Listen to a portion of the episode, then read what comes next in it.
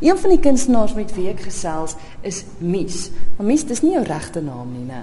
Nee, nee, ek's eintlik Marisa. Waar kom um, Mies vandaan? Toe ek op kleuterskool was, toe kon my beste maatjie nie Marisa sê nie.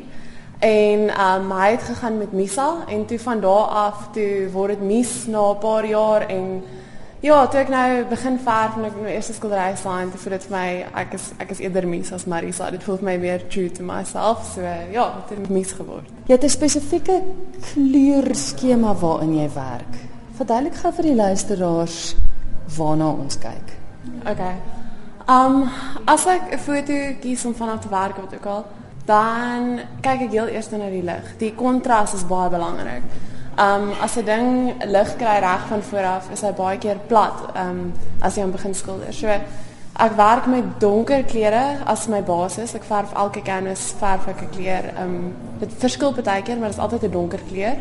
En dan sit ek die ligter dele van daar af by. So jy bou swaalf in vlakke.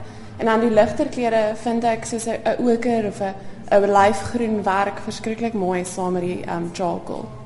Waar kry jy jou fotos? Is dit is dit fotos wat jy self neem? Is dit mense wat jy ken? Ek het begin met um fotos wat ons self geneem. My pa is baie lief vir fotos neem en sy fotos het my eintlik geïnspireer om uh, geïnspireer om te begin verf. Dis waar dit begin het.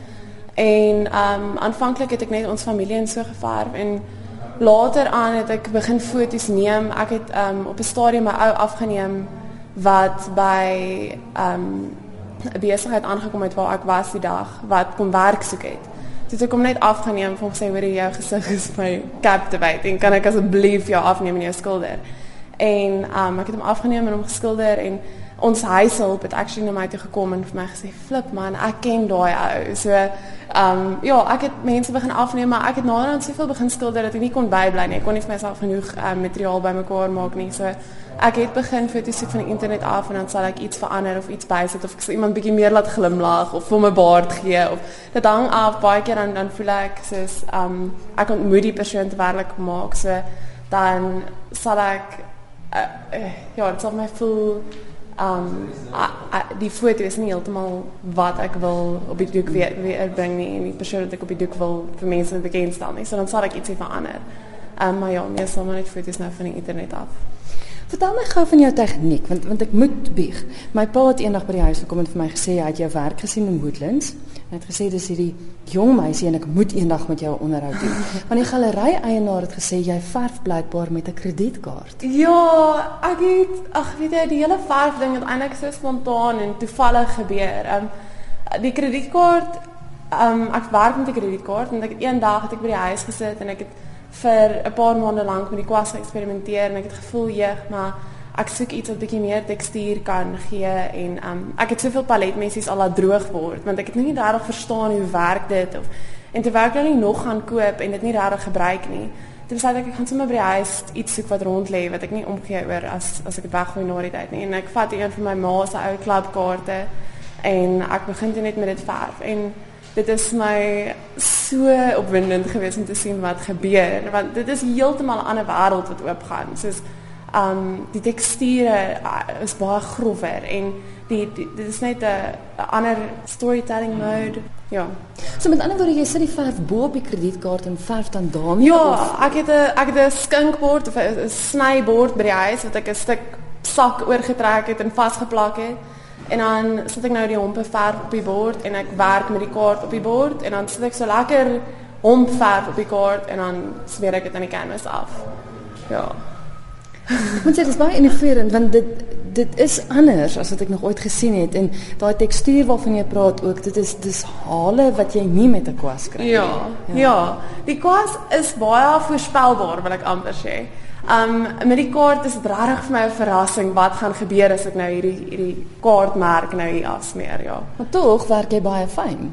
Ja, ek ek my beplanning is nooit om fyn te werk nie. My idee is altyd om om lekker grof en um spontaan te werk, maar ek's geneig om die kaart ek sny baie keer 'n hoekie van die kaart af en ek probeer myself keer om daai hoekie te verf maar met die oë veral moet mens maar 'n bietjie want ek ek voel die oë is belangrik om reg te kry en baie keer moet mens bietjie fyner detail hê by die oë om om die storie mooi vas te vang Jy is nog baie jonk en ek verstaan jy het vir 'n jaar onderwys geswat en toe besluit jy jy gaan vir 'n jaar kunstenaar wees, kyk hoe dit werk en dis ongelooflik. Jy het so 'n storie van sukses. Hmm. Hoe het dit gekom dat jy besluit het dis wat jy wil doen? Ja, ehm um, ek het ja, ek het ehm um, onderwys begin swat want ek wou graag kunsonderwyseres gewees het. En ehm um, ek het 'n jaar gedoen en ek het eintlik redelik goed gedoen op universiteit en Hulle het my ingedeel by in die koshuis by 'n vroutjie of 'n dame wat verskriklik passievol is um oor onderwys. En ja, ek het haar so dopgehou deur die jaar en besef maar ek kan nie vir die kinders dieselfde passie bied as wat sy vir hulle gaan bied nie. Ek het besef want ek het deur die vakansies en so as ek 'n gap kry dan skilder ek en ek besef maar ek kan dit tot die tafel bring met kinders. Um en ek het daai passie vir kinders en dit sal vir my so jammer wees as ek as enige iemand hulle lewe spandeer op iets wat hulle nie absoluut passievol is oor nie. Toe ek met my ouers gaan praat en ek en ek my regtig my weet afval vir my ouers want ek dink nie almal is baie opgewonde as hulle kind by hulle kom en vir hulle sê hoorie ek gaan nou op 'n swat en 'n kunstenaar word nie. Maar toe vra ek vir hulle of ek 'n jaar kan kry om te skilder en te kyk hoe gaan dit. Um en 'n baie groot deel van die motivering daarvan was vir my um nie hoe ek uiting wil gee oor wat binne in my aangaan nie, maar oor ek regtig voel daar's hoop in hoop in dit en dis 'n storie van hoop in die sin van um dat ja, dat dat, dat grense nie 'n given hoef te wees nie. Ja, en dit ek begin skilder en ek het dit vir 'n jaar lank gedoen en dit het so goed begin gaan. Soveel soveel so ek het my maale gesê as ek net genoeg geld maak om dit vir die res van my lewe te kan doen, is dit vir my fyn. Ek moet net kan get by. Um en op die ouene het dit so gegroei en ontwikkel in iets in wat my laat verstom staan. En ja. Want ek meen dis 'n tekene bewys dat jy nie formele opleiding nodig het nie, want jy doen dit omdat jy letterlik 'n godgegewe talent het. En ek wil tog net byvoeg dat 'n beroepsvoorligter dink ek het gesê jy kan eintlik enigiets gaan swaar. jy ja. kan 'n dokter word, 'n prokureur word, enigiets. Ja, weet jy, um wie eens is ek dink soveel mense onderskat die freedom of die vryheid wat ons het. Ek dink dis so mooi as mense hulle lewens spandeer op goed waaroor hulle passievol is. En dit klink dalk nou baie corny wat ek al, maar ek het al my, my lewe daarop gedobbel en um dis my exciting. Dis is ek gaan eendag vir my kinders kan sê met regtig soveel um oortuiging dat um dat mense se lewe kan spandeer op dit waarop jy passievol is en dit mooi kan wees. Nog een van die kunstenaars wie se werk te sien is hier by die uitstalling Faces by the Showroom Art Gallery is Frans Cronje en hy's natuurlik bekend vir sy gesigte. Ek onthou ek het 'n hele paar jaar terug die eerste keer jou ontmoet en ek het nog by jou huis gaan kuier.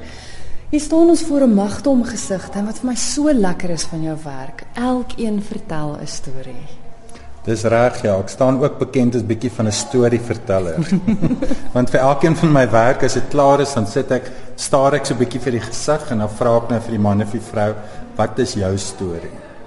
En dan kry ek maar 'n idee, jy weet, iets oor die persoon of 'n trigger, iets 'n kleur of iets van die collagewerk wat ek gebruik het, en dan skryf ek so kort storieetjie of 'n gediggie of 'n liedjie of iets net om by die kunswerk te pas. En dis ook spesiaal dat as mens in koop, dan kry jy ook, ek weet ons 'n leer met elkeen met die storie of die gedig ja, of die Ja, ons gee 'n sertifikaat wat ek geteken het met 'n foto van die kunswerk saam met die storie wat daarbey pas.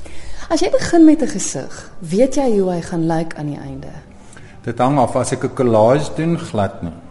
Met collagewerk bou ek net eers 'n agtergrond met die tipe kleur waarvoor ek in die by is. Mm -hmm. En dan sal ek begin papier plak min of meer die vorm van 'n gesig. So ek sê nog nie vir myself hier is 'n man of 'n vrou nie. Dis net so generiese vorm kan jy maar sê. En dan sal ek nou die neus en die oë en die lippe begin inbou. En dan lyk dit vir my nog steeds bietjie generies en dan as ek die hare begin, dan sal ek nou sê goed, ek gaan nou poog om 'n man te maak of 'n vrou te maak uit hierdie gesig uit. Ja, want dit is baie mooi mense wat jy maak. Ja, ek hou nogal van mooi gesigte. Ek het al probeer om mense wat karaktergesigte, jy weet, soos ou mense of mense met krekels of um eksotiese mense te doen. Maar om jy die eerlike waarheid sê, ek's nie goed genoeg om dit te doen nie. so die kere wat ek probeer het dit absoluut pateties uitgekom. Toe gee ek maar op sê ek hou my mooier mens want hulle het minder plooie, minder krekels en minder selluliet. Jy het nou genoem dat as jy die collage doen, weet jy nie hoe die eindproduk lyk nie. Wat is die wat is die ander medium waarna jy werk en, en Dan doen ek ook sketse. As ek sketse doen, sal ek dalk van foto's afwerk. En as ek 'n uh, actual skildery doen wat nie so baie collage werk op het nie, dan sal ek definitief van 'n foto afwerk. Wat is dit van gesigte? Want as ek nou aan die begin gesê het jy is bekend vir jou gesig. Ja. Weet jy dit is maar toevallig dat ek gesigte begin het. Toe ek begin kuns doen het, het ek ietsie van alles gedoen. Ek het blomme geverf en voëls geverf en landskappe probeer en net abstrakte ontwerpe gedoen. En so met die tyd saam het ek agtergekom dat ek raak verveeld met ander onderwerpe. Dat ek regtig van die gesigte hou. Want daar's twee oë. Die oë praat met my en ek het ek voel ek het 'n verhouding met hierdie skildery ontwikkel. Waar is dit net 'n blom is 'n blom. Ek kan nie met 'n blom praat nie en 'n blom het nie 'n persoonlikheid nie en 'n blom het nie 'n storie nie. Dis die storie. So ek hou baie van mense. Ek is ook 'n beraader. So ek sit vir enigiets tussen 20 en 30 uur per week en doen berading. So ek kyk ook die hele dag vir mense se gesigte, hulle emosie, hulle pyn, hulle hoop, hulle stories. So dit het maar toevallig gebeur dat dat die gesigte vir my stories geword het. Frans Cronje die storieman. Gebruik jy ehm um, tydskrifte? Kan ek my ou tydskrifte by jou kom aflaai of wat gebruik ja, jy vir collage? Ek gebruik tydskrifte, ek gebruik landkaarte, poskaarte, fotos, ou boeke. Ek's baie lief daarvoor om na boekwinkels toe te gaan, tweedehandse boekwinkels. En as ek vir my boeke soek met interessante papier of fotos of teksture. So as jy deur 'n boek blaai en jy sien 'n bladsy, kan jy dadelik die prentjie daar agter sien bedoelende hierdie kan werk. Ja. Het jy al Soos geleer om so wat soos wat waterverf 'n medium is of olieverf 'n medium, papier is vir my medium. So as ek deur 'n tydskrif blaai, dan sien ek nie 'n skaapchoppie wat mooi uitgestal is op 'n bord nie. Ek sien, o, dit is regte kleur vir hare. Of ek sal byvoorbeeld wolke sien van 'n ligtoneel, jy weet 'n landskap. Ons lyk dit sal 'n pragtige wang maak. Of ek sal 'n stuk papier sien met strepe en as ek sê dit sal nou baie mooi lyk op 'n das. So my kop dink so, so as ek deur 'n tydskrif blaai, dis vir my 'n verf medium, 'n kunsmedium. En ek voel niks om ou boeke op te skeer nie. Ek ruk bladsye uit goed uit en dan kry mense hartaanvalle. Hulle sê, "Hoe kan jy uit boeke opskeer?" Dan sê ek, "Dis my medium, ek moet dit skeer, hoe anders gaan ek dit gebruik?" Nou daai mense wat so 'n keer gaan moet kom kyk hier by die Showroom Art Gallery, want dit is ongelooflik wat jy doen. Dankie. Jy is baie welkom. Dankie vir die gesels. Linda Robertson vorm ook deel van die uitstalling hier by the Showroom Art Gallery. Jy jou werk is gereeld hier te sien en ek het al gesien jy het ongelooflik baie temas wat jy aanvat. Jy ver van vissermanne regdeur tot vrouens tot kinders. Dis reg, ja. Dit Ja. lyk vir my die lewe inspireer jou. Dis reg, ja. Ek is ek is skilder gewone goeders wat mense in het. Ek is weet ek's liever mense, ek is 'n mensemens.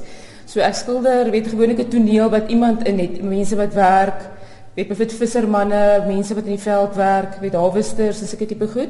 Vrouens in uh, blommemarkte wat weet sit in blomme, weet randskik en sulke tipe goed. En dan ehm um, weet of vrouens wat loop in die veld. Tipe stories. Iets wat 'n storieetjie vertel. Ja.